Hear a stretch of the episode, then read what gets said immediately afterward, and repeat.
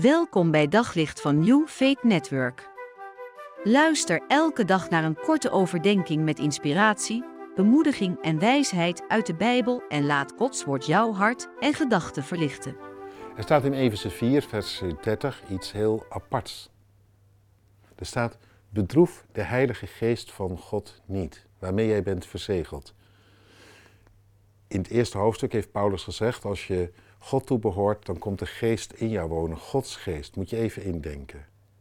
God is bij je, in je, door zijn geest, in je denken, in je diepste gedachten, in je hart zeggen we dan. Hij wil daar de uh, toon aan geven. Maar het aparte is dat uh, hij daarmee niet zomaar je zijn wil oplegt. Hij duwt je de goede richting op. Hij probeert je in te winnen voor het spoor van Jezus, maar je kunt blijkbaar er dwars tegenin leven. Je kunt de geest bedroeven. En dat hoort bij de liefde. Als twee van elkaar houden, dan uh, mag het uh, hopelijk zo zijn dat de een de ander stimuleert tot het goede. Maar dat wil niet zeggen dat hij het kan afdwingen van de ander. Je bent altijd vrij om er dwars tegenin te leven. Al doe je daarmee de ander verdriet. De liefde dwingt niet.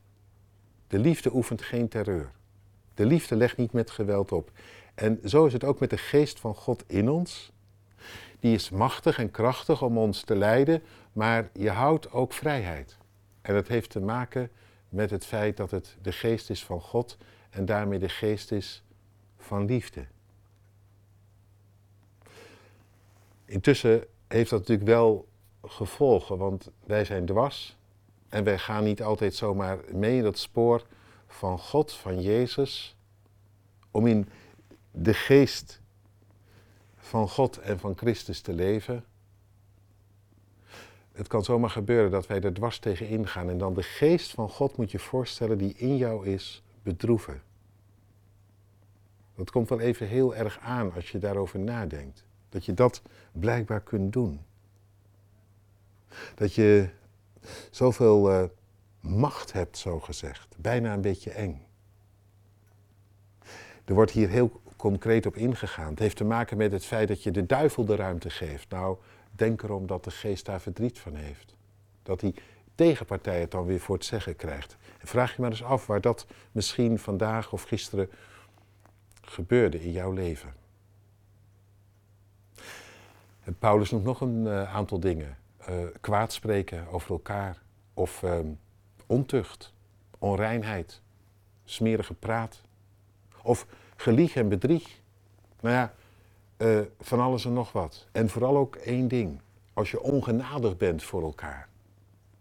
De geest wordt er intens verdrietig van, want die wijst een heel ander spoor. Het tegenovergestelde. De weg van God. Die goed doet nooit um, je stuk praat, maar altijd een goed woord voor je heeft, wat er ook aan je, aan je mankeert. Dat.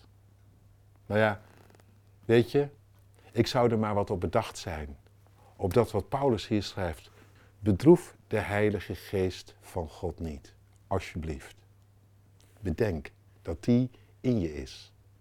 En laat je door die geest gezeggen. Wel bewust. Op zoek naar nog meer geloof, hoop en liefde. Op New Faith Network vind je honderden christelijke films, series en programma's. Nog geen lid? Probeer het 14 dagen gratis op newfaithnetwork.nl.